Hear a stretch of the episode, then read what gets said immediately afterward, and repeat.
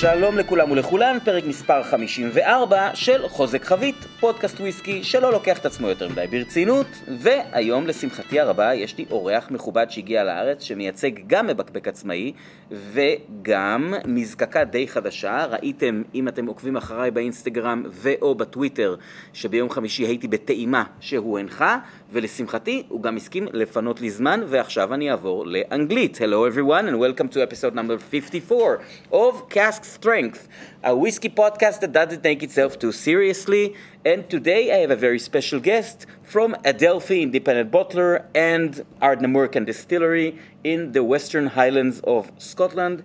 Hello, Mr. Graham Mackay. Hello, how are you doing? Great, how are you? Yeah, really great. Thank Yeah. you for having me today. Thank Excited you for to be here. thank you for coming. Thank you for making the time for me and the listeners. And uh, it's uh, your first time in Israel, right? That's correct. Yes, right. this is my first trip over, and it's actually the first uh, trip for the company as well. We've never been to Israel as a brand, you know, Mm-hmm.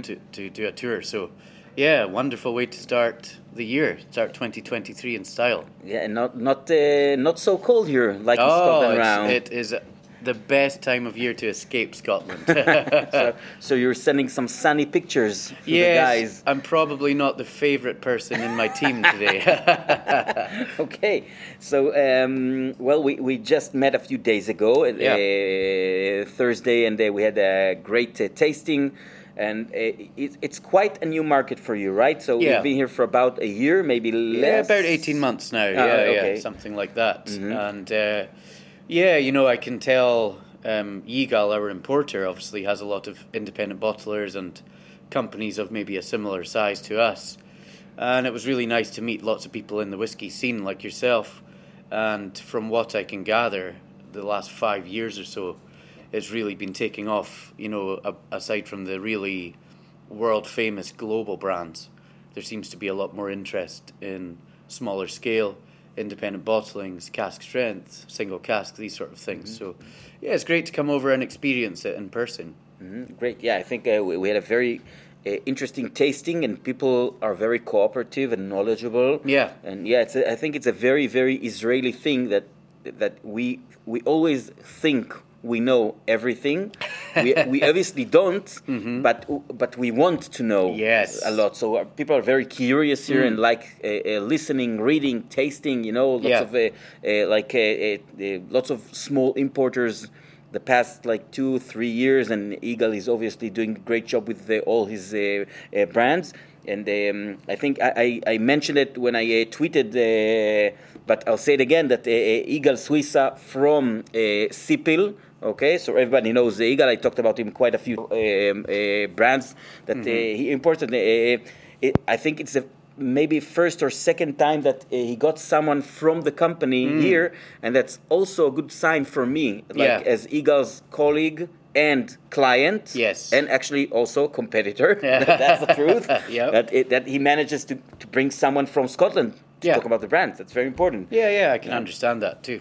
Yeah, so uh, before we start, I would uh, like you to uh, tell me and tell us, tell the listeners a bit about about yourself, where. Yeah. you were and in your career in the industry before whiskey, after you joined the, the industry. Yeah, so I'm, uh, you know, I've, I've, I'm from Inverness originally. That's where I was born and where I grew up. Lots of your listeners have probably heard of it or have been to some of the distilleries nearby, like Tomatin or Glen Ord, or it's kind of the gateway to places like Dalmore, Glenmorangie, Balblair, then the geekier side of things like the, you know, my friends, the Thompson brothers up in Dornoch, really good guys up there. So, yeah, it's um, one of those areas when you're growing up as a child in Scotland, you probably don't appreciate how many whiskey distilleries are actually on your back door. Um, you are aware that they exist, but you don't necessarily think about visiting them so commonly. So mm-hmm. it's nice to, as, as the years have gone on, to appreciate that I grew up in a nice mm-hmm. area in the whiskey world. Was it sorry for uh, just now I think about it? Mm. W- was it a thing like whiskey was a big thing around you as a child? You remember It- people not drinking really. You know, culturally? it's, it's not. It's kind of on the periphery. It's on the outskirts of of what we think. You know, it's changing now. I think the younger generation now would be more aware of it, and it's more. Maybe it's more obvious that you could pursue a career in this industry, But like yourself, like you know, I'll get onto it in a little while. But a lot of my friends and my my peers, we fall into this industry. We don't grow up in Scotland going to the careers advisor in school and they say, you can do a full time job in the whiskey industry. It's not really that obvious. Mm-hmm. So, um, yeah, to be honest, I think maybe that could be a critical point. We could actually do a lot more to talk about our own industry as it surrounds us. You know, I'm sure if you grow up on Islay or if you're in Dufftown or somewhere like this, many of your friends and family are working in the industry.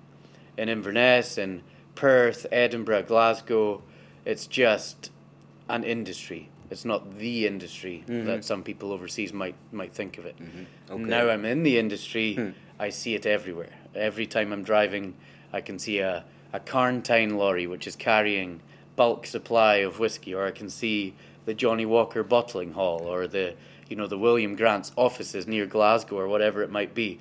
Now that you know what to look for, it's everywhere, mm-hmm. and you mm-hmm. think I can see it supporting the the country, uh, kind of in the shadows sometimes. You know, mm-hmm. is is that let's let's say what's the other big industry in Scotland, like another thing that. Well, traditionally we have um, oil and gas is quite large mm-hmm. in, in the northeast near Aberdeen, um, and then we have you know lots of tourism.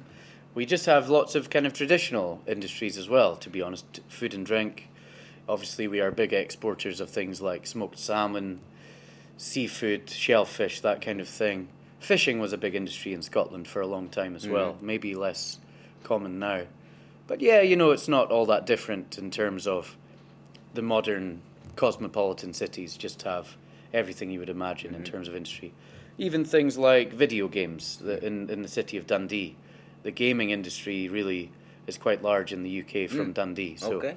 you know, Rockstar, you might have heard of a small game called Grand Theft Auto. Mm-hmm. Um, hmm. This is a Scottish company, Rockstar, which which makes this. So, yeah, I think Scotland whiskey is the perfect example, but Scotland does it very well, where we punch above our weight in the world. Mm. So we have we are a small population, but some of our exports can be seen around the world very successfully. Okay, and you you started in the hospitality business, right? That's correct. Yeah, I'm in my 30s now, and originally I was a bartender. You know, um, to be honest, I actually got into it in a more serious way in Australia. I was I was traveling there with my wife. Um, she was not my wife at the time, but we were traveling around. This was about ten years ago, um, more than ten years ago now, actually, making me feel old now when I think of it. but um, yeah, we did the thing where you travel to Southeast Asia, you go around for a few months. You go to New Zealand, you go to Australia, and then lots of people get a working visa for a year or two years and they stay in Melbourne or Sydney. I stayed in Brisbane mm-hmm. and I was just looking for a job as a traveller and I found I had this very interesting moment where I had I had been offered a job in an office to be a personal assistant to the the directors. For a traveller it was kind of a good job actually, quite well paying. And then at the same time I had an interview for a new cocktail bar that was about to open but it was a few days later. So I had this interesting dilemma, uh, you know, a crossroads mm-hmm. where I had to. What I really wanted to do was get the the bar job for my personal interests.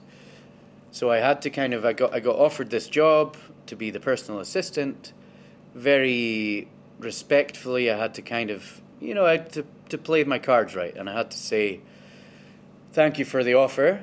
I have another job offer, an interview on Monday next week, and I would really like to go to it and then decide what happens. So they were very understanding. And this was a large, um, in Brisbane, they have a large casino, and they were investing in this new cocktail bar. You know, they're putting like 5 million Australian dollars to build this bar, 24 7 bar, really flash, high end cocktail place. So I thought it looked like a good project to be involved in but they're hiring like um, 100 members of staff. So for the whole week, it reminded me a bit of like X Factor or something, where everyone's going in for the interview in one big group. And as the day goes on, they're chopping you away and they're sending you home. Mm-hmm. And eventually, at the end of the day, they have a small team of people they want to move forward with, and they you don't really know what job you're even applying for. You might be a bar back, you might be a host, you might be a server on the floor, you might work behind the bar. So at the end of the day, me and the bar manager sitting having a conversation, the final stages of the interview, and he says, "Yeah, you've got some small bar experience, just pulling pints in, in a neighborhood bar, high volume bar." Um, and he said, "Yeah, you sound good. You you could I, I would consider you for a bar job here. I'll speak to you next week once, once we have just had everyone else through the door." So I am now in the position where I had to say, I cannot wait until next week. I need the job today because I want to turn down the other job.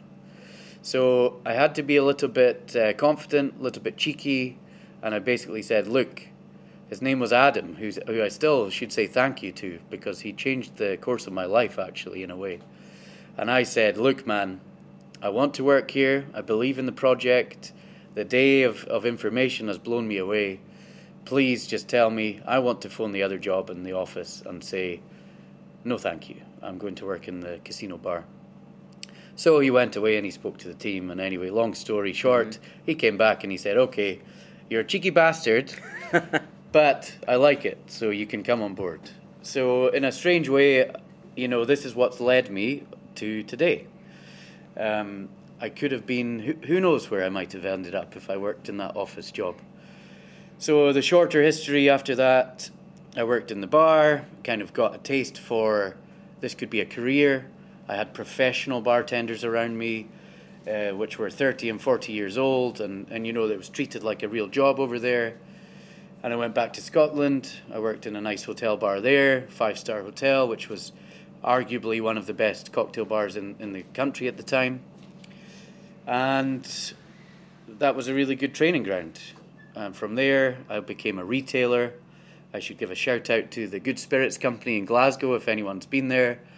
Amazing company, amazing shop, independent little company, just a really good booze shop, you know. Good tastings, good guys, very passionate about what they do. Booze geeks, you know, my kind of people. And your, uh, let's say, your real intro- introduction to whiskey yeah was only there like before in the cocktail bars uh, we we had a nice whiskey selection but it was my my knowledge was much more basic mm. um, the customers would occasionally order the mainstream brands but yeah this was the first place for example when i saw independent bottling and i said hey what's this? You have five linkwoods but they look very different. And they said this is independent bottling. And that's when I was kind of like, ah, okay, there's a there's a secret world of whiskey out there for the nerds that we can really, you know, really dive into deeply. So I was there for four or five years, and then I was approached by an, a whiskey company to work full time. And this was uh, Carn Mor, which actually Yigal imports over here mm-hmm. with Old Perth and Mactalla now. So I worked there for a few years, and then the opportunity came to join Ardnamurchan and Adelphi. So I joined the company in October, um, maybe August of 2020, mm-hmm. right in the middle of the coronavirus mm. pandemic. And um, yes, to be honest, it's been the best move I've ever made. Really, really happy in my surroundings, the company I work for now, and I can see myself being there for many years to come. Okay, that's quite an interesting um, uh, uh, route. Yeah, it's a little bit of a journey, mm-hmm. not not the most um, planned journey. As mm-hmm. I say, sometimes you just fall into this industry, and you think, "Wow, this is the best place." You know the the camaraderie, the hospitality, the welcoming. I mean, I've just come to Israel for the first time, not a familiar country to me really, and within my first day, I feel like I've got friends and family almost. You know, so it's it's amazing that we can go anywhere in the world and we can reach out to somebody and they'll say, "Hey, go and speak to my friend in this neighborhood bar or this shop," or and they want to show you around and they, you know, it's it's a really excellent industry in that regard. I think. Yeah, I agree. It's like um, it's like a, a worldwide culture mm. or like a subculture. Yeah, if, very. If you're a whiskey geek, you'll find your people everywhere. That's today. right. Yeah, yeah. All, like you have similar interests, don't you? Yeah. yeah, it's really amazing.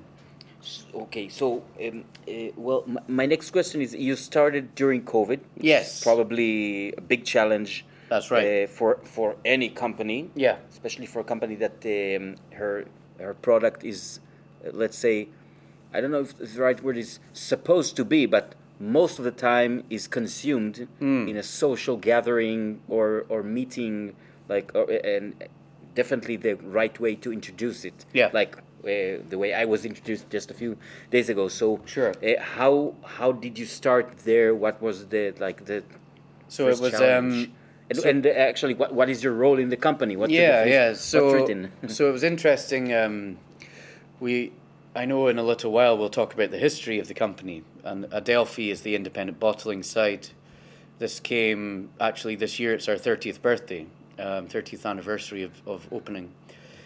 And then Ardnamurchan was built in 2013.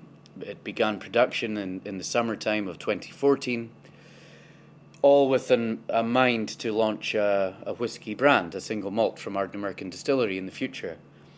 So when I joined, we were discussing m- me coming on board.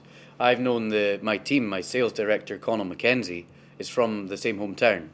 Believe it or not, he's from the same high school, uh, one year above me. So um, we've known each other for twenty years, and he was uh, speaking to me about, you know, I said, to be honest, I said I wanted to join the company if there was ever an opportunity. And he said, well, we are launching the single malt in 2020. So there, there could be a real opportunity there. So we kept in touch, and uh, it came the opportunity to have my job interview there. And the big part was, this was just before COVID. There was whispers, you know, the January, the February of that year, there was lockdowns in China. It was beginning to come to Europe. Italy was the first place which had a lockdown.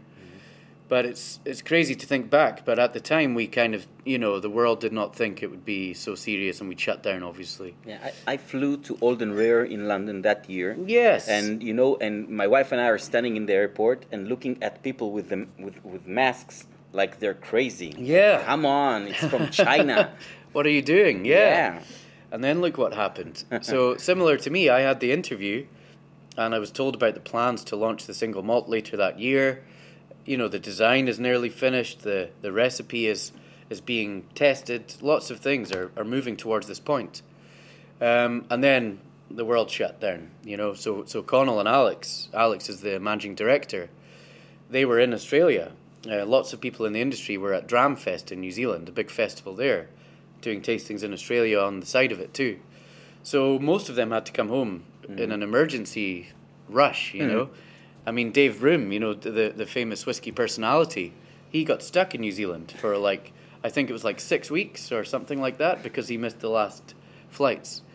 So the point is that the world changed so quickly that my future was a little bit in doubt and the single malt. Mm-hmm. So then the company had to make a decision do we still launch the whiskey or do we wait until the pandemic has finished?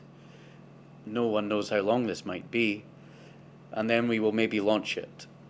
Thankfully, I think now that I can look backwards, I think we made the right decision to launch anyway. Mm-hmm. And what that meant was we had to pivot and we had to very quickly decide to do a virtual launch around the world. Okay. We couldn't do the traditional launch where we invite people to Scotland and we do a big launch at the distillery, maybe something in London.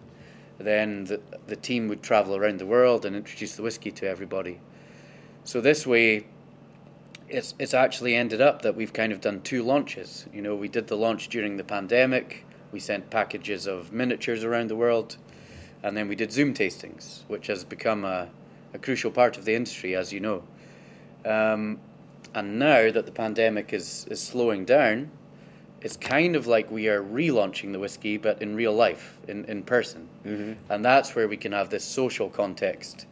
Zoom tastings have been very valuable, but however good they are, it's just not the same, in my opinion. Yes, you know? absolutely, I agree. And do you feel like the now then you, you can you can judge or you can understand the impact of Zoom tasting when you come to wherever? Yeah. uh, you feel like people are already aware and understand, or uh, I mean, how, how well did you do with the with the Zoom tasting? I feel like it was very successful. You know, the, the inaugural Ardnamurchan, which was 0920, um, we we sent this out with three miniatures of single cask samples just to to give people a choice. So Ardnamurchan we call um, it's known as the as AD. That's our kind of shortening on the brand.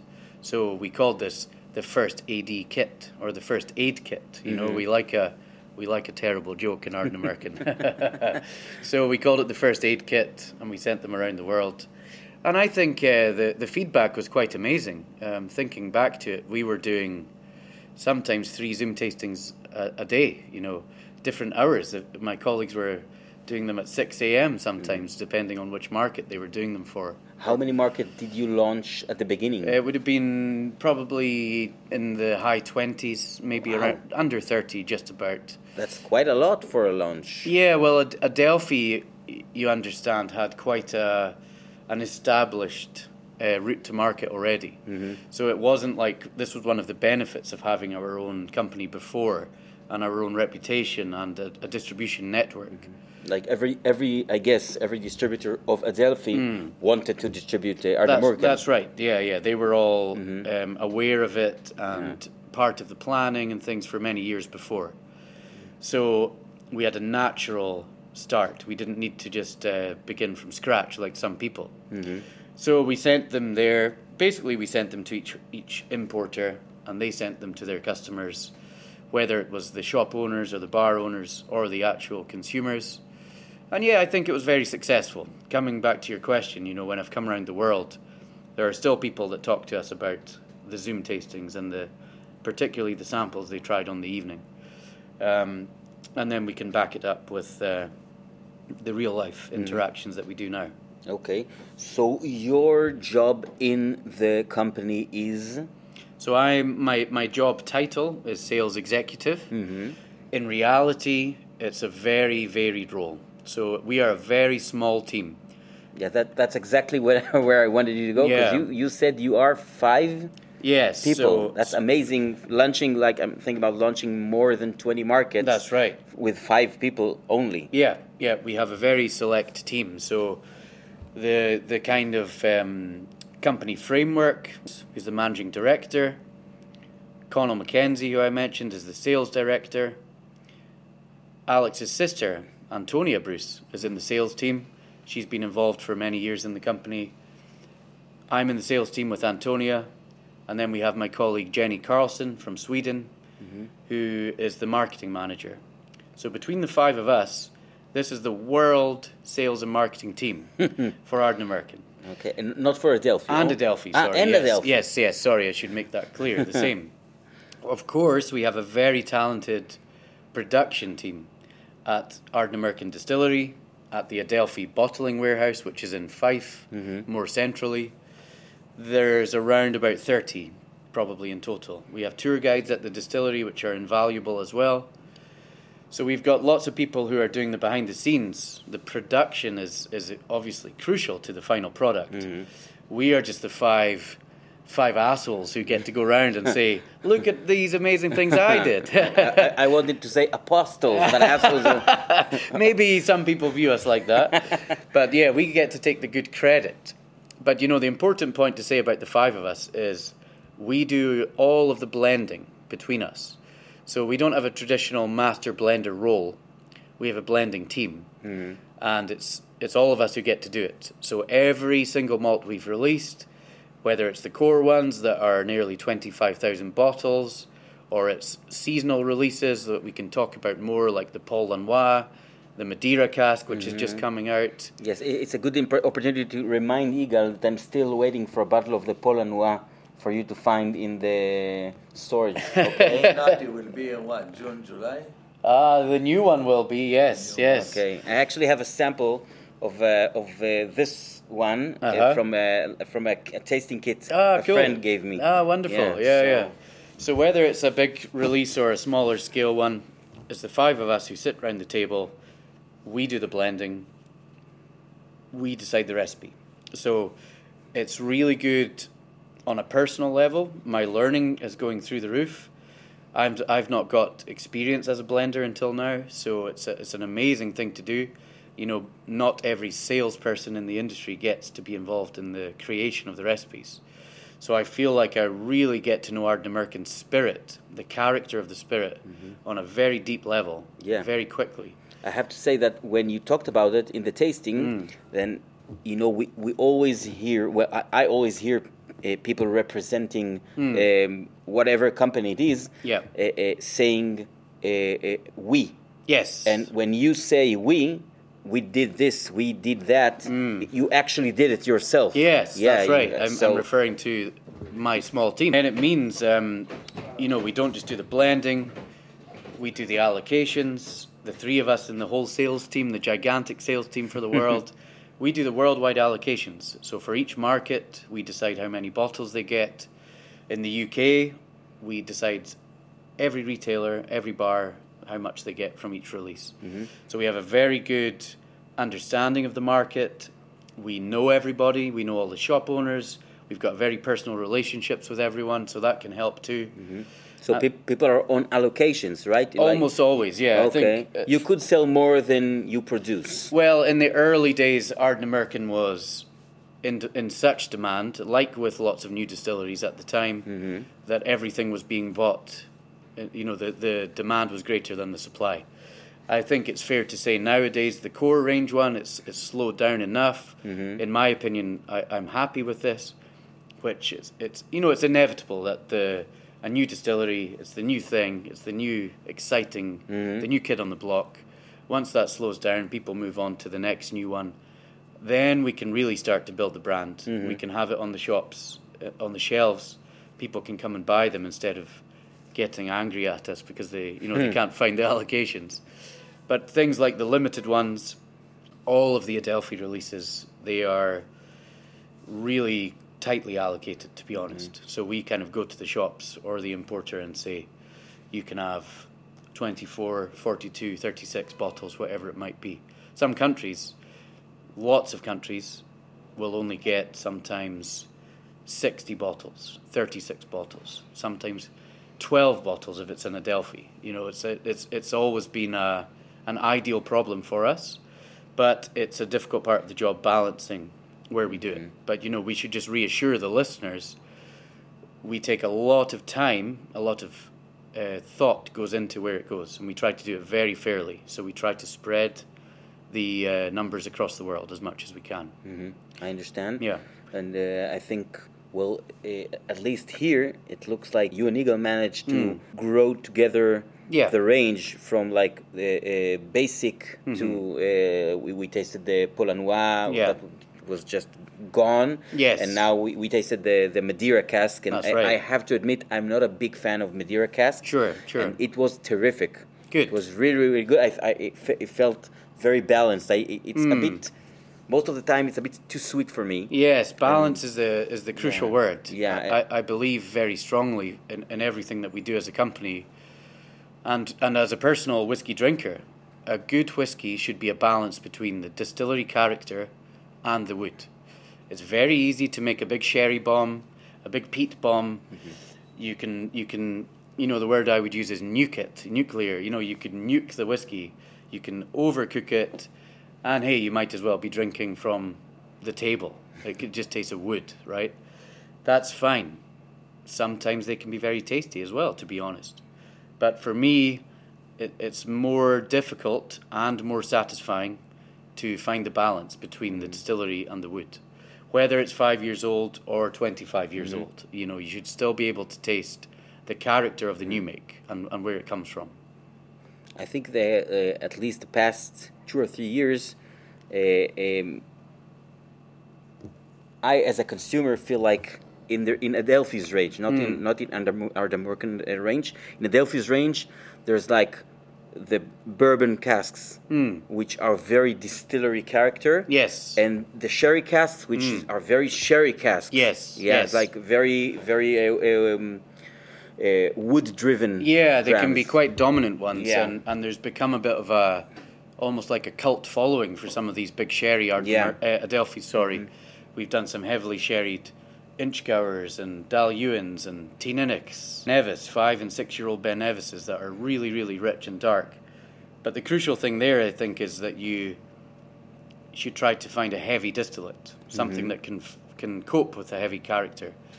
But um, I think, to be fair, we're hopefully trying.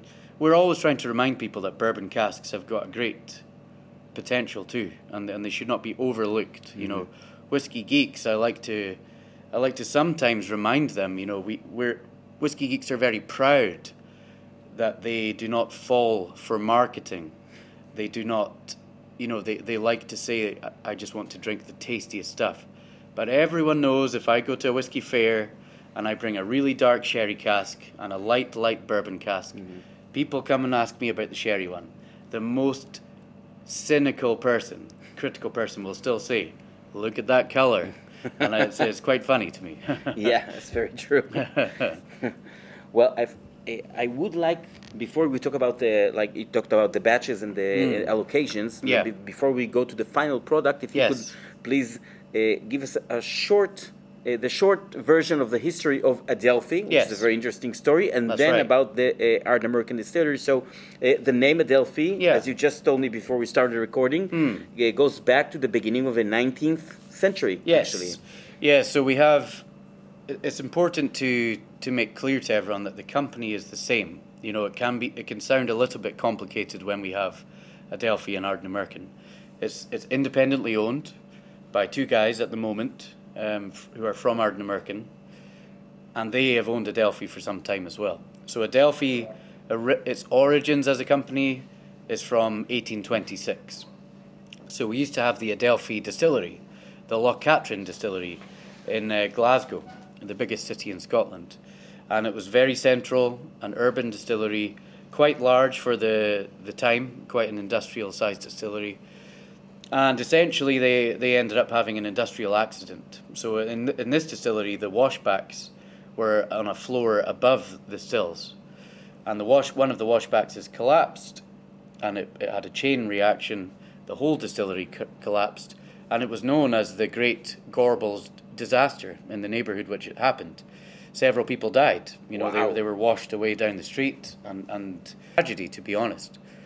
So, fast forward into the modern era, and the I think the great grandson. I'm sorry to my colleagues if I'm getting the, the lineage wrong, but Jamie Walker was the founder of Adelphi, and one of his um, older relatives had been one, the owners of the Adelphi distillery. I think they took took control in the late 1800s. Um, so essentially, Jamie Walker decided to revive his, his family's company.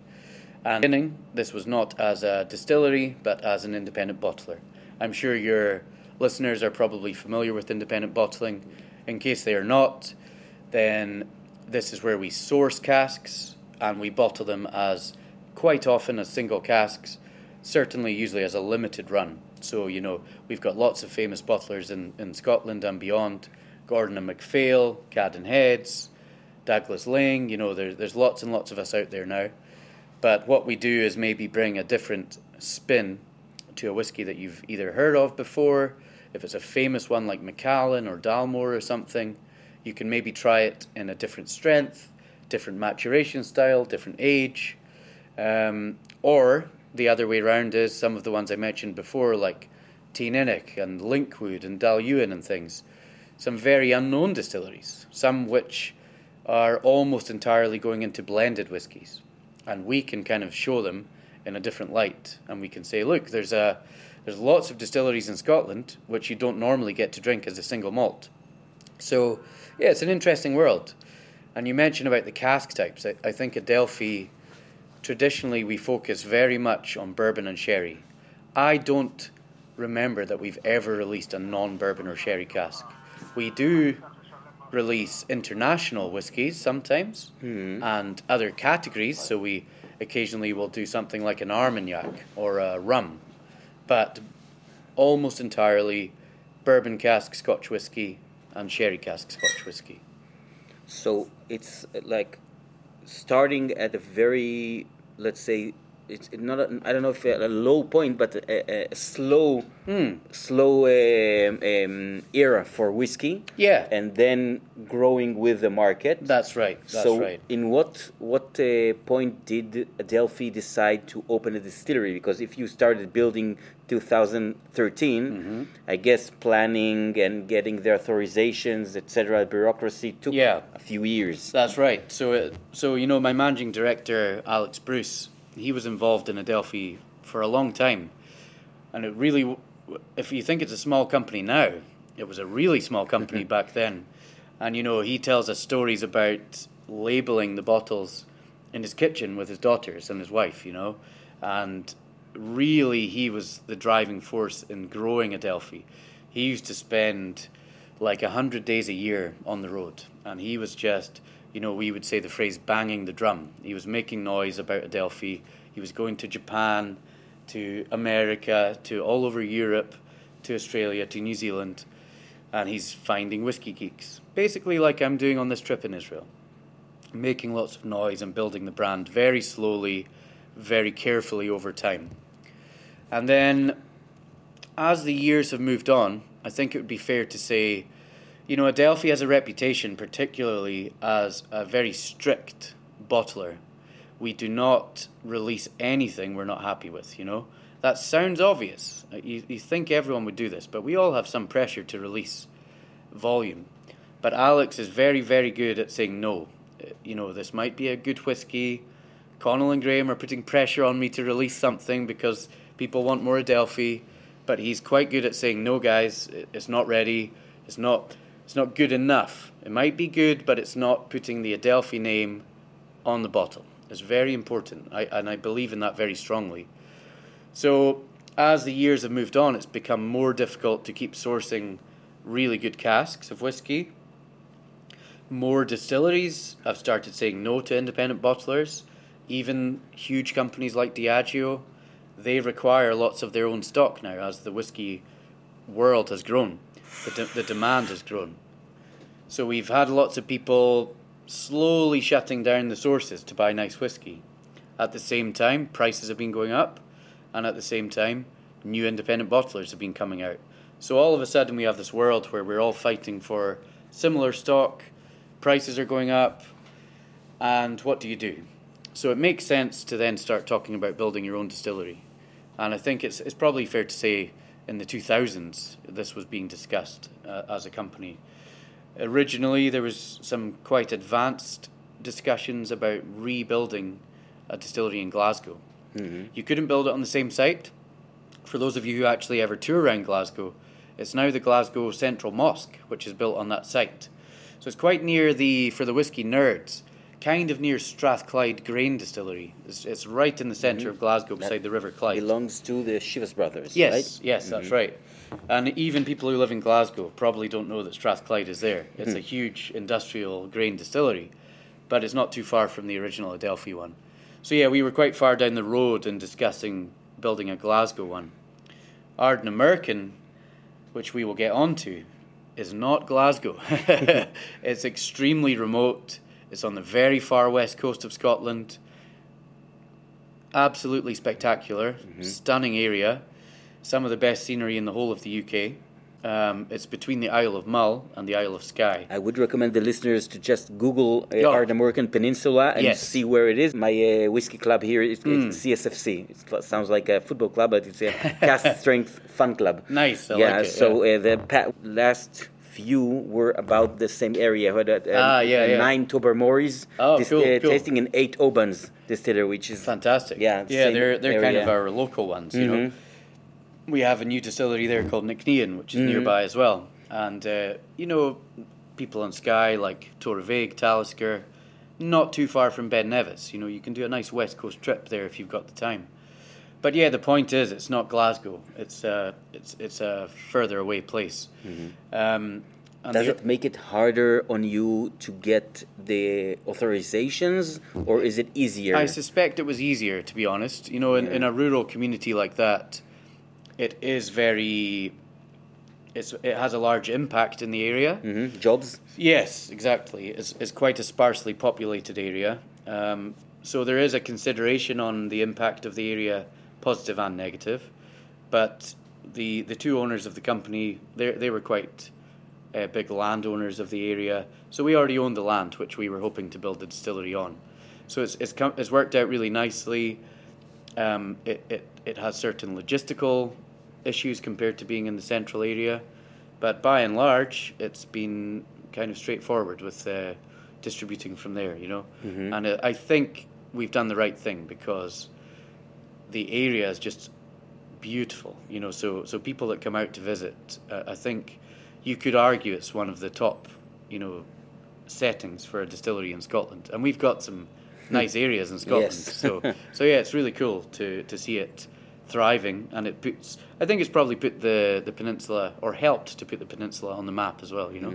Okay, and the the gear, everything was new, or did you buy some old stills or something Uh, like that? almost all new. The, the stills were uh, were commissioned brand new. hmm For sites. Yes, correct. Yeah, yeah. Um, you know, we we we didn't have too much of a waiting list back then.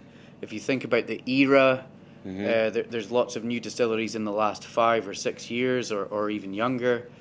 Back then, in 2012, 2013, probably the two larger ones which were built just before us would be Kilchoman on Islay, and then Daftmill in Fife. Mm-hmm. Daftmill is a bit of a different animal. It's a much smaller one, you know.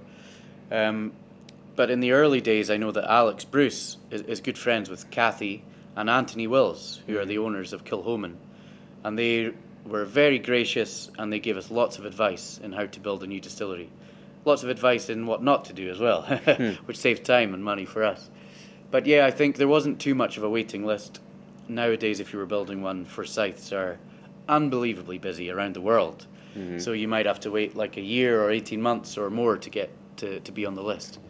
Um, we did, however, have probably the old, the piece of old equipment which was put in were washbacks. Mm. So we have seven washbacks at Arden Ardnamurchan. Four of them are wooden. Three of them are um, stainless steel. Really? Yeah, yeah. So and it, okay, so I, I- I will ask later about the, like a, a fermentation length. Yeah, yeah, Or yeah, Do we you can mix get onto that the- you uh, like. you mix the liquids, or every fermentation is like it's it's essentially it's all mixed together. Yeah, Mhm, so we okay. will we'll do one mash per washback, but they they're getting still distilled together and then they're getting. Okay. matured together. So, So we, you enjoy all the worlds, like the the okay, very in- interesting. In reality, there's unromantic reasons, to be honest, behind them. So the four wooden ones, they were actually ex cognac vats. So they weren't made from Douglas fir like lots of. Okay. Scottish ones are. Can I guess? Is it birch? Um, uh, it was oak. No, it was Oh, it was okay. oak. Yeah, yeah. So it was proper um, oak, oak vats. They were, you know, they were brought over from Portugal in flat pack IKEA style, and then they were rebuilt at the distillery. And it was only late on, we still didn't have the roof on the distillery at this point, that people sort of noticed. Well, there's actually extra room here for more washbacks than we thought. So at this late stage, it's too late to commission new wooden ones. Mm-hmm. So we put three stainless steel ones in, then we put the roof on, and in the long term, that's helped us increase our production capacity quite a lot. Mm-hmm. So people always ask, you know, what's the difference in the flavor? The real honest answer is we don't believe there's a huge difference in the flavor. I, I think th- there's much more difference in the actual day to day production uses of it. You know, stainless steel is much easier to clean, much more stable. Um, the wooden one is more romantic, and you could argue it has more bacteria inside there, and it maybe that contributes to the fermentation flavor. But remember, we're talking like three, four days that they're in these large, you know, inactive vessels. It's mm. not the same as six years in one wooden cask. Mm. So I'm not sure how much it. I mm. think it really changes more for the production guys in terms of cleaning and doing their maintenance and Okay, now how long is the fermentation? Typically about 70 hours to 100 hours. Wow, that's a very long fermentation. Can be quite long, Mm-hmm. yeah, but yeah, you know, it's probably more on the 70 hours uh, stage, Okay. unless it's going over the weekend. Mm. Ah, so that was my next question. If, you- if you have a weekend the fermentation, Yeah, so but you, you say you mix the, the whole. Well, we we distill one mash at a time. Mm-hmm. Um, so we have the seven washbacks. We just empty one washback entirely into the first still, and we'll do that twice a day. So we do two shifts every day at Ardnamurchan. Okay. 6 a.m. in the morning we begin, and 10 p.m. at night we finish.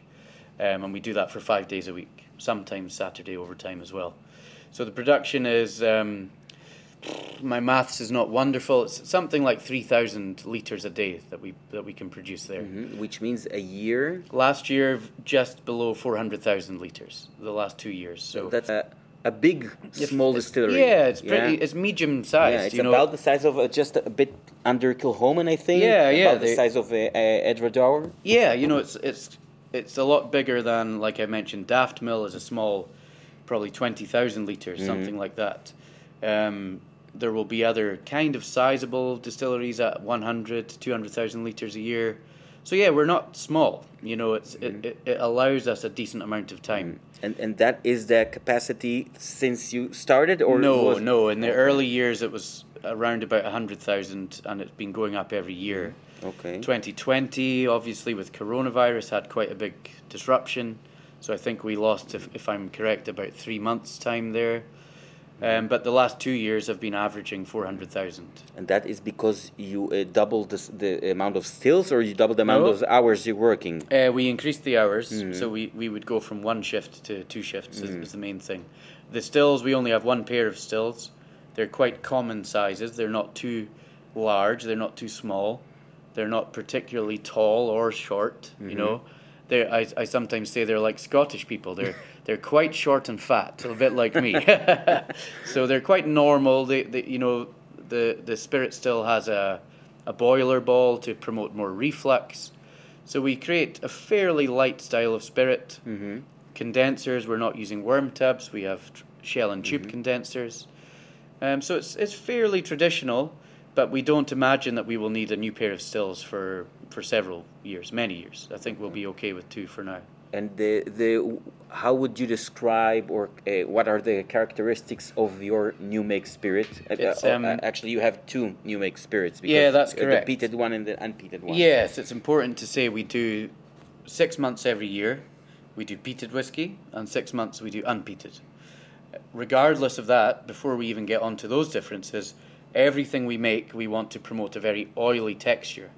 It's not something that we talk about in the spirits world as much as the palate and the nose, but we believe very important, um, very importantly, that the texture is crucial. So an oily mouth feel, you know, it will help. Feels more viscous in the mouth. It helps with the, the finish. It just makes it more satisfying, right?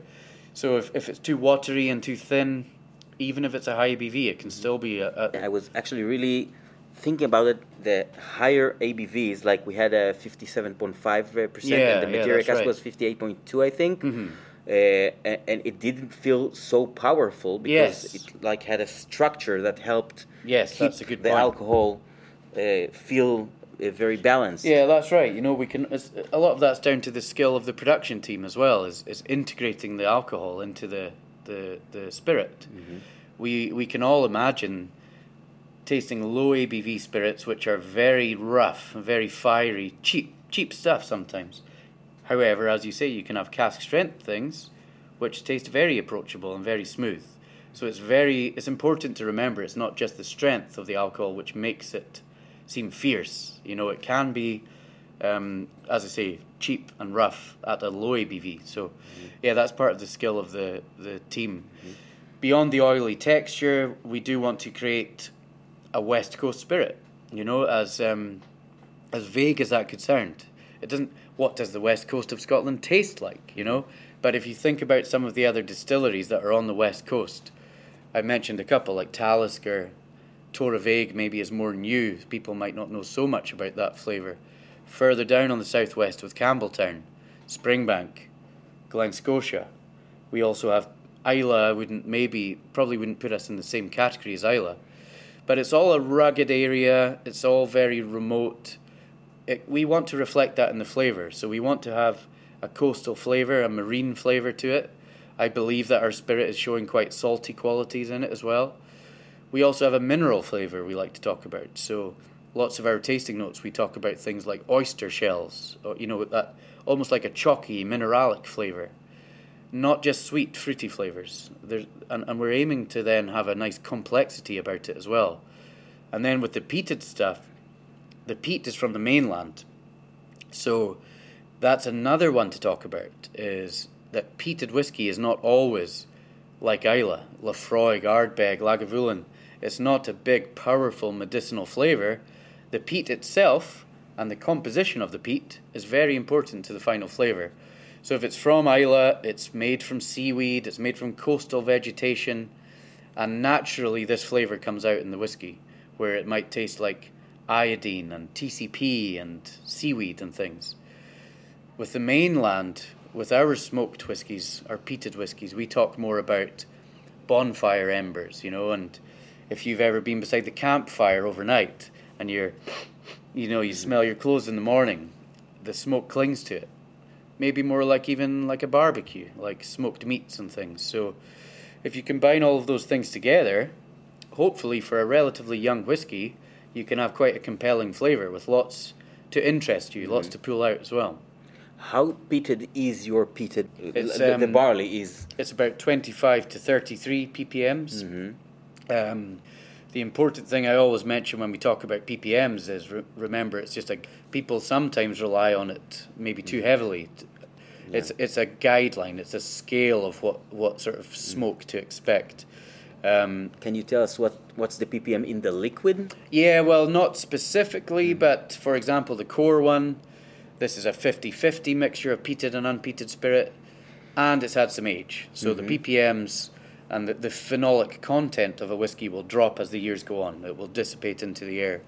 So after five or six years, if we start with 30, if we cut that in half with some unpeated spirit, and we take a few years off it, 10, 12, something like this in the glass. We haven't actually measured, but that's a fair approximation. So uh, that I think I wanted to ask that about yourself later, but if we're talking about this subject now, uh, um, so if someone asks me what is uh, what what distilleries in Scotland have quite a similar uh, character, what would be your recommendation? Like if you like Ardmore, Yeah. is Ardnamurchan for you? I see, that's a good question because obviously Islay is famous for peat, but nowadays regions don't matter so much in Scotland. Everyone is doing lots of different styles now. I would say we maybe have similarities to someone like Benromach and uh, beside Elgin, owned by Gordon and MacPhail. I would love to think we have some comparison with Springbank. That's a, I would not say it out loud in, front of a microphone normally, but if, if anybody says to me that they remind that Ardnamurchan reminds them of Springbank, I would be delighted. You know what would be perfect is if we could be considered like the the love child of Talisker and Campbeltown. It would be quite cool. Um, but yeah, Benromach, Springbank, a little bit of Talisker there. I think Ardmore is probably, in my opinion, Ardmore tastes a bit more like Islay. It's it's got more okay. ashy flavors, more more more depth to the peat. So yeah, I think they would be natural companions. Uh, particularly our cask strength is a good comparison with Benromach cask strength. And and by the way, not to plug a competitor, but Benromach is, is very undervalued. I think is, is underappreciated in the peaty whiskey world. It, it's got a nice balance there too. I, I really like Benromach. It's a great distillery, and at least in, in Israel they did quite a good job. But Mm-hmm. because it's like a very uh, growing market, I think Yeah. they, they like uh, let's say three years ago, Yes. Benromach was a real trend. with Okay. the whiskey geeks here. Yep, and yep. now they're then they moved to something else. Okay, yep. hopefully Ardnamurchan. Yeah, that would be nice. So, um, well, you age your spirit mainly in bourbon and sherry casks, like Adelphi's approach to whiskey, the same with Ardnamurchan. I think that's a fair beginning of what we were doing. So in the early days, and it's important to say we mature everything on site in Ardnamurchan too. So it's all in dunnage warehouses. We have we have six warehouses nowadays, over fifteen thousand casks. Still not quite as much as as one million like Glenfiddich, but we're getting there. A sizable amount to play with for a small team.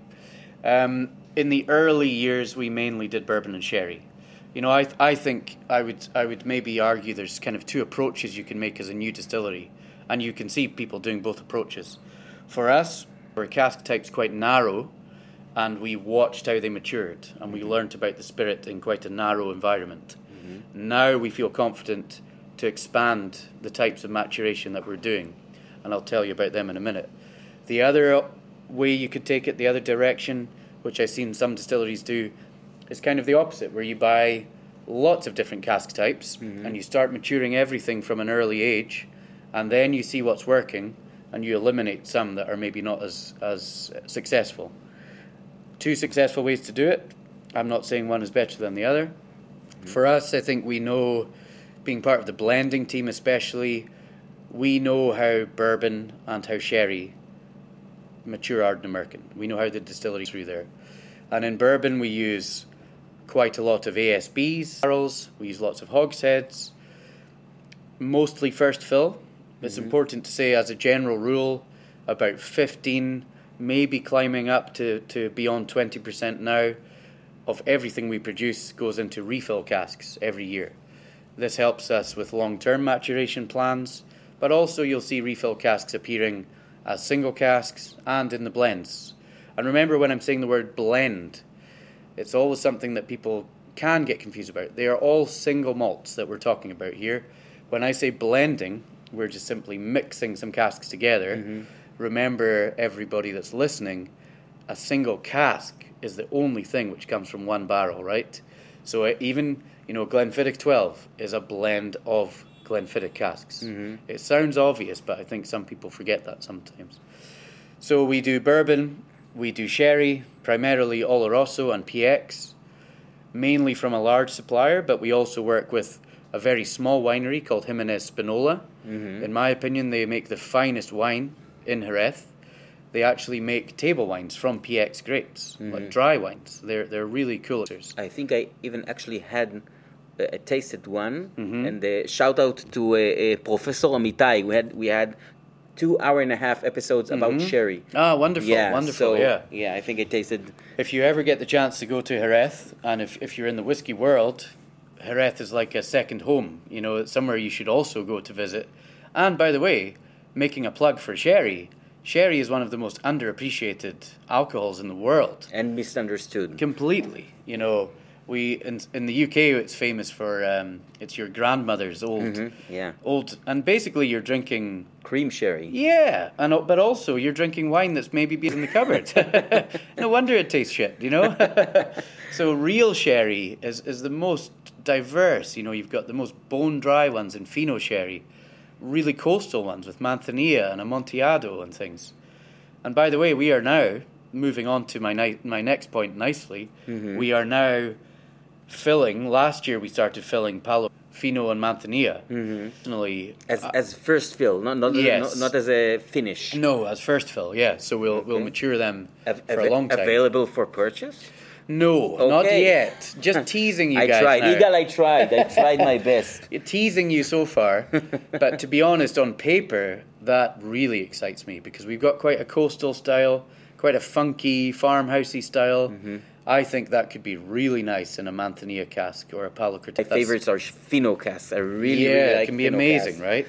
So, I guess that leads me on to where else we're looking at now. So Mm-hmm. we know bourbon and sherry very well. So now, probably the main ones that we've been playing around with. You know, we mentioned the Madeira cask that came out in October, still making its way over here. We have about 200 Madeira casks. We are mainly finishing in there, but we can be doing full time maturation too. We have our casks from the Champagne region once a year, which is the Paul Launois. Hello to Julien and Sarah Launois, who are the husband and wife team behind it. Okay, the one, the one I tasted was the first batch of this. It was uh, the second batch. second batch, Yeah, the first one came out in 2021. So that's an annual batch. Yes. Of how many bottles? Um, Approximately. two, 2,500. Okay, and that's a cask strength. Yes, Okay. yes. Um, all, all of the limited releases we've done are, are cask strengths. Mm-hmm. We have one core range at 46.8. This is now pretty much available year round, and that's in a batch system. Um, and then we do these seasonal ones. So we do take into account the time of year, the champagne casks, and obviously, if you're listening, champagne cask is a is a shortcut. You know, it's a it's a in reality it's a white wine cask probably even a Chardonnay cask we're talking about here. Um, but it will the liquid will go on to become champagne, of course. Mm-hmm. So what we have there is only ten casks every year. Paul Launois is a very small champagne produ- producer, and they only do ten casks of still still wine, which becomes champagne every year. Then we have the Madeiras, ones which we have not released yet, which are in the future plans. We've got quite a decent amount of rum casks, so primarily from Appleton Estate in Jamaica. However, we also are very lucky to have casks from Foursquare, and, and in, in my opinion, Foursquare is the finest rum producer on the planet mm. from Barbados. They also they don't sell casks to anybody. You know, they're very very protective of their brand, and we were lucky enough to. Essentially, it's the old-fashioned way. My chairman Keith Faulkner was us. He met Richard. They had some drinks, and they do a deal. You know, That's Uh, how things work of course, in this industry. It's still the old-fashioned way sometimes. And then we have a few other little things. You know, we've got the odd agave ta- cask, not many. We've we've got the dry sherries that I talked about. You know, we will happily look at things, um, but we're quite traditional. You know, I think in terms of style, as I say, right back to the point where we want the distillery character to come through as well. So, but you know, I guess a little bit of a purist um, in terms of whiskey, right? See, see if you were to ask me my favorite whiskey. Wait a minute, Peter? Graham. What's your favorite whiskey in the world? Was this? I was I was jumping ahead. Now you're right on time, but I will uh, come back to, for a question about your core range. Okay, because that's what what's uh, uh, uh, what people can buy. Of course, of course, yeah, and I would like to talk about that a little bit more. I don't have one whiskey. That's the difficult question, right? Mm-hmm. But my favorite style of whiskey, if you were to, if, if, if money was no object, give me a really old refill bourbon cask whiskey at cask strength. 20 years, 30 years, even beyond, if I'm being a really lucky, mm-hmm. privileged guy. You know, I, I want something that's had a long time to mature, a little bit of oxygen in the cask. A refill cask in bourbon can just allow so much, you know, the layering, the complexity of it. It can be so tropical and so inviting. I think, in my experience, lots of people go through the the journey of whiskey. You know, you you, you discover whiskey, you drink the, the big brands, and maybe then you explore a little bit more. And then lots of us fall in love with sherry casks, right?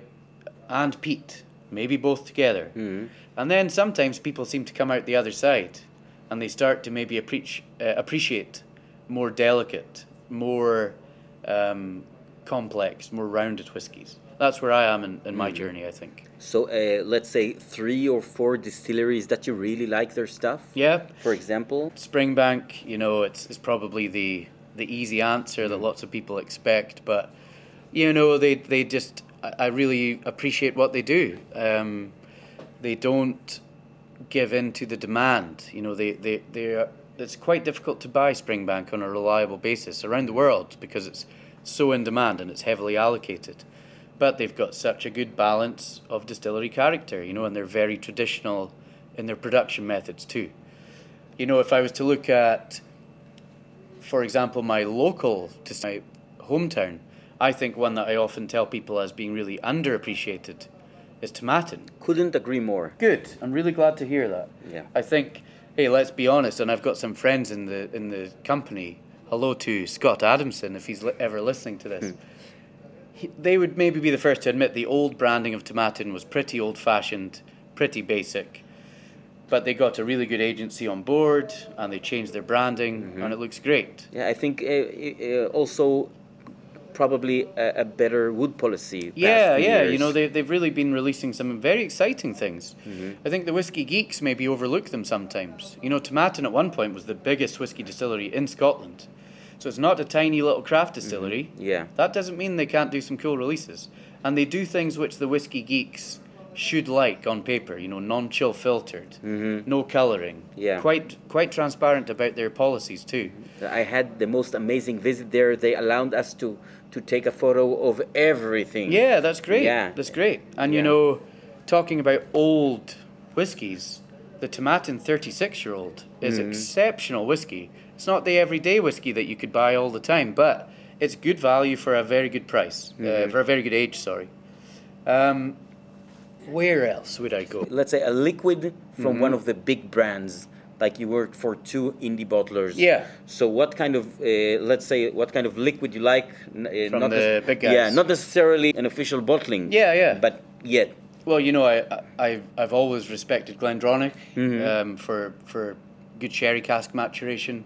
I think nowadays a good if you're struggling to find really good sherry casks, two places which are worth looking to would be Tamdhu Mm-hmm. and Glenturret.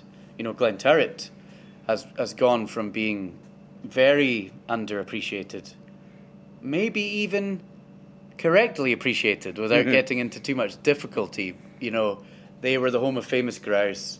They made huge global blends, but their single malt was not very well cared for within the company. You could, you could maybe say. Now they've been purchased by Lalique, the the fancy glass maker, and they've transformed as a company. You know, their their visitor center first of all is is amazing if you get the chance to go. It also has a Michelin starred restaurant there now, hmm. which is I've not I've not been lucky enough to dine there, but it looks incredible. But more importantly, the whiskey, I think, has really taken a step up, and their communication, their transparency, they are a good. You know what could become quite a global brand very quickly. I think. Um, Yeah. I, I really think they're worth looking out for too. and both distilleries were owned by Macallan. That's So funny good- enough you say that, uh, yeah. Good sherry cask. Uh, That's right. They, they they know that their spirit works well. Yeah. Uh, they know how to treat sherry casks. You know. I just had a, a, a week ago at uh, Haifa uh, a tasting of Valpolicella wines. we Ah, had right. four wines, and then we had four Amarone cask finished uh, whiskies. Hmm. Yeah. One of which was a Ruam uh, Moor. Oh yeah, the peated The Glenturrets. uh, in that in Amarone finish from the Lady of the Glen. Ah, cool, cool. that yeah. was fantastic. Yeah. Really, really tasty. I love Amarone casks. Lady of the Glen have been doing some really cool things. Yeah. I know some of the guys there very well, and uh, yeah, they're building a nice reputation. Um, you know, the, if I was, I know I don't want to talk too much about these, but if I was to also maybe, um, maybe talk about another one that I think can be underappreciated as well, Glen Scotia. I think is it's big, it's becoming appreciated in the right circles now, but that was always the um, the ugly duckling in Campbeltown, right? Yeah. Um, and I think again, maybe it was it had a fair reputation as being quite basic, to be honest. But again, that was purchased by a larger company, the same owners of Loch Lomond now, and they are just doing amazing things. The, I- Gl- I the. Glen Scotia Victoriana, old school style of whiskey. But you know, if if you like Springbank and you can't find it, Glen Scotia is a nice alternative. I think. Yeah, I agree. Okay, so I would like to come back for your uh, core range for Hmm. you to explain uh, the listeners because we can find right now at Sipil at Yeah. Mm-hmm. uh, at Yigal's uh, site and uh, at the, the Whiskey Embassy Yes. in Herzliya. We can find the uh, core range, the cask strength, Mm-hmm. Yeah. and we will be able to find the Paul Launois and the Yeah. Cask. So you actually blend the two spirits, the peated and unpeated, together. That's correct. Yes. So, and this is important to to bring some complexity as well. You know, so the core one we've been doing since the first ever one was September 2020. Mm-hmm. Originally, we were doing it every three months. And Now- it was actually it was five years uh, Yes, old, right? you, right. you did not release before five years old. correct. Yeah, Correct. uh, Yeah. even not a single cask or. We released um, these older blue bottles, which some people will, will know very well, which were called AD Spirit. Mm-hmm. So they were like preview releases. Um, and they were not officially, sc- even though some of the liquid was over three years old. So these were like little introductions. We did four years of releases of those, from really young stuff to, to approaching whiskey. And this was just to get the the hype going, give, give people an insight into what was coming, get them excited about it. Um, but no, the first official long-term release was the was the 0920, and the numbers um, we've we've slowly actually just recently we've on the core range the numbering system is kind of taking a back seat. So you will see it in the future just saying AD single malt, and that's really our core one. Now that we are happy as a blending team with the consistency batch to batch, we can take those numbers away and, and to be honest, simplify it a little bit. Okay, so until now, when uh, someone sees the numbers, uh, so it means the number of the batch. Mm-hmm. Yeah. Of and where, in and what when, year? when it was bottled. Yeah. Yeah, So if it says 0920 01, This means September 2020 was the bottling date, Mm-hmm. and 01 means it was the first batch of that year. And it used to Mm-hmm. Reset every year. But the batches are supposed to be quite the same. Quite right? is the important Quite the word. same. It's yeah. Mm-hmm. not identical. We don't we don't worry if it's indistinguishable. In fact, we we would encourage people to, to see if they can pick up the differences, you know. Something like Johnnie Walker, like Grant's, Ballantine's. These are huge global brands. And by the way, this is my little point to go on the soapbox and say respect the brands, respect the large blends, because it's an art. It's a very difficult skill to blend whiskey like that. You could go to pretty much any country in the world and you can see Grant's blended whiskey, and it tastes the same every bar in the world that you go to. That's an amazing skill that that blending team they use different ingredients, remember, and they make the same flavor to the point that you would not be able to say, "Oh, that's batch 250 of Grant's compared to 251," you know. Our job is not to try and do that. Our job is to have it within the same parameters, within the same flavor profile. So it should have the core characteristics, this minerality, mm-hmm. this farmhousey quality, oily texture, the bonfire embers, that kind of thing. But sometimes it might taste peatier, sometimes it might taste more of the casks. Um, It, it changes, but as long as it's got Ardnamurchan flavour, it's got the DNA of our distillery, then we're quite happy with that. So in terms of the core one, 46.8% because it's an approachable strength. It's a mixture of bourbon and sherry cask, predominantly bourbon cask in there, and it's five, six, and seven year old spirits, which are in most of the releases. So that's around 70% bourbon, yes. if. I rec- remember Uh, correctly. 60, 65, Mhm. and the rest is sherry, and the mixture of sherry will be some PX and some Mm. Oloroso. Okay.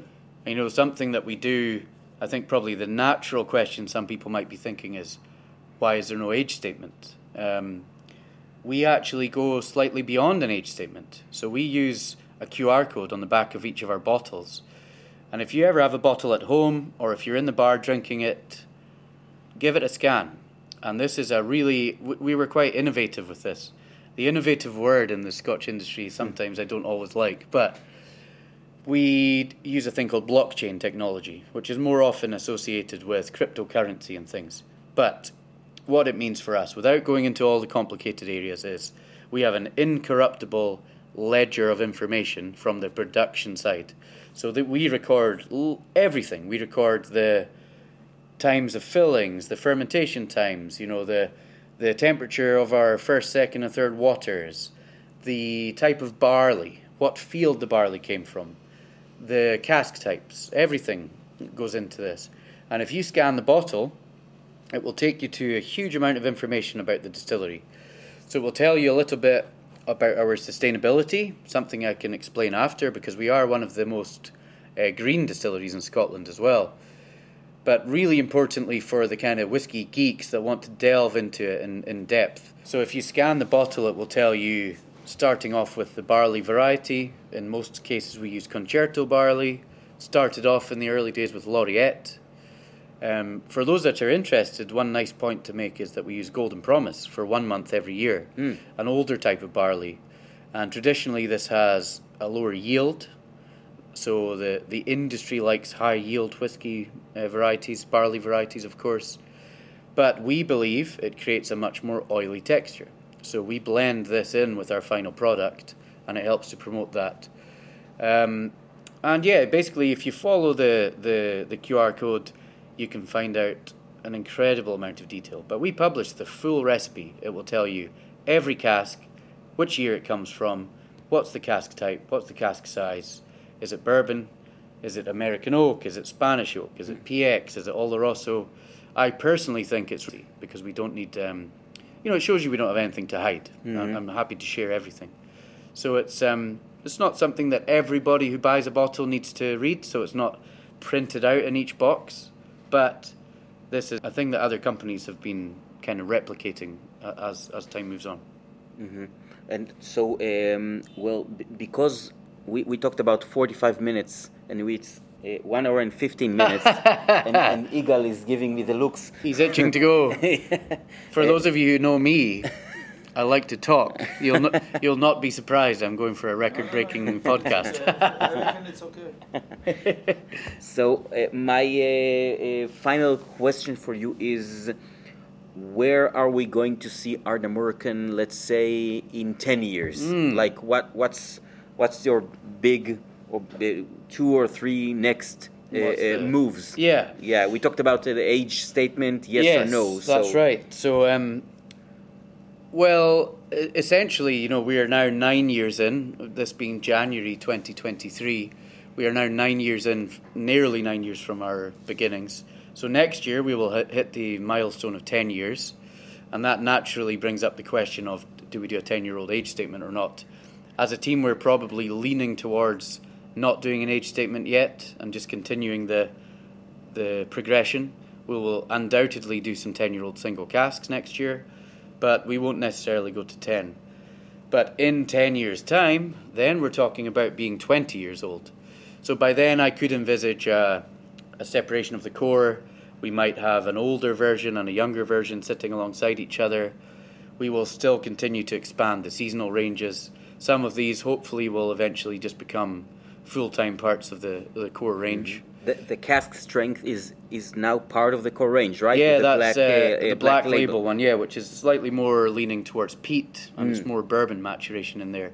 For my money, it's the best Ardnamurchan that you should you should seek that one out if you can. So that one we will do once or twice every year. We will continue to do these kind of cask finishes, whether it's Madeira or rum or dry sherry, Sauterne, something like this.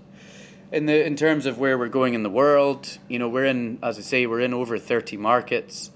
We're in the Far East. We're in the U.S. and Canada. What's your most successful market? Well, the, the largest ones would be the US.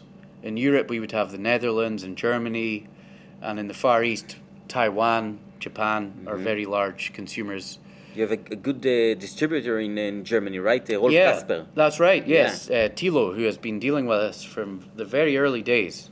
And uh, yeah, it's a very small distributor. Quite often with our company, our distributors are quite small. You know, it's, it's very important to work with people, not just who will be good at the business side, but we want to work with like minded people, similar personalities, and similar morals as well, you know. And that means we can have a long term relationship. So many of our suppliers we've been working with for over a decade now. And we know each other like family, you know, so it's it's someone you can trust to, to look after your brand in their country. So yeah, I think in ten years hopefully we will have a larger team. You know, maybe we'll just sell to Diageo and we'll all leave. Who knows? no, I can promise we are very, very committed to remaining independent and to steering the com- company ourselves. Mm-hmm. Maybe we'll have more employees, maybe we'll be in more markets. That would be the hope, of course. But we're not aiming to be, you know, a million case brand like the big guys like Glenfiddich and Glenlivet. We just want to secure a nice corner of the whiskey world for ourselves. We make whiskey for whiskey geeks, and and hopefully we can continue to to meet more whiskey geeks around the world I, I that, think that th- share our drive. This is an amazing uh, last sentence for an episode. Yeah. So uh, thank you, Graham Mackay, for all the time. I, I, more than the extra promised time. Yeah, yeah, you, it's you my will, fault. You will need to be wielding the editorial sword a Oh, little I, bit. I, I don't think so. I don't think so. Uh, but uh, thank you so much for the tasting and for this uh, great episode. I hope I can visit you sometime. Oh, it'd be amazing. distillery. Yeah, yeah. Yes. And you know, just to finish off before we go, just to say how amazing this trip to Israel has been. So thank you to people like yourself who've really welcomed me, and uh, the whiskey community. I can tell it's thriving over here, and it's going to just grow and grow and grow. So uh, yeah, I can see us having a very positive future here in Israel. So if anyone is coming over to Scotland, come and see us. Make the journey to drive the extra time. We have a visitor centre. You can come and learn all about our sustainability. Drink some whiskey from the casks. Okay. You'll you'll get. You know, if you come all that way, you deserve a reward. so we'll look after you. and I will uh, uh, try to get a promise from you and from Yigal that ne- the next time you come and uh, visit, we'll have a tasting for my guys at the Cask Strength Fun Club. That eh, sounds amazing. You, okay. You've put us on the record, and we can say yes. okay. Okay. so thank you, Graham. Thank you so much, and I'll just move uh, quickly to Hebrew now. תודה רבה לגרם מקאי על הפרק המאוד מאוד מעניין הזה. אני אומר לכם שהייתי בטעימה ביום חמישי. ועדיין למדתי מלא מלא דברים חדשים, והוא הרחיב פה ונתן הרבה מאוד מידע, וקבלו המלצה ממני. אה, אצל, אה, אה, גם בחנות של יגאל וגם באתר סיפיל והחנות ספיריט אמבסי, יש שם כרגע שני ארדנה מורחן, את המהדורה נקרא לזה הרגילה קור ריינג' ואת החוזק חבית, שאני כרגע יושב ליד בקבוק שלו שהזמנתי, וקבלו המלצה לראות... מה- מה? תפתח שנראה את הבקבוק. אנחנו גם נפתח את הבקבוק ונעלה את זה לכל הרשתות החברתיות, הנה יגאל מצלם פה, אה, ותהיו קשובים, כי ברגע שמגיע המהדורה של אה, פול אנואה או המדרה, כדאי לכם לפעול מהר, זה גם תמורה מאוד טובה למחיר, ה-VFM פה הוא בלתי רגיל. אז זהו, תודה רבה לכולם, זה הפרק מספר 54 של חוזק חבית. אה, Thank you again, Graham. My pleasure. ביי. Bye now.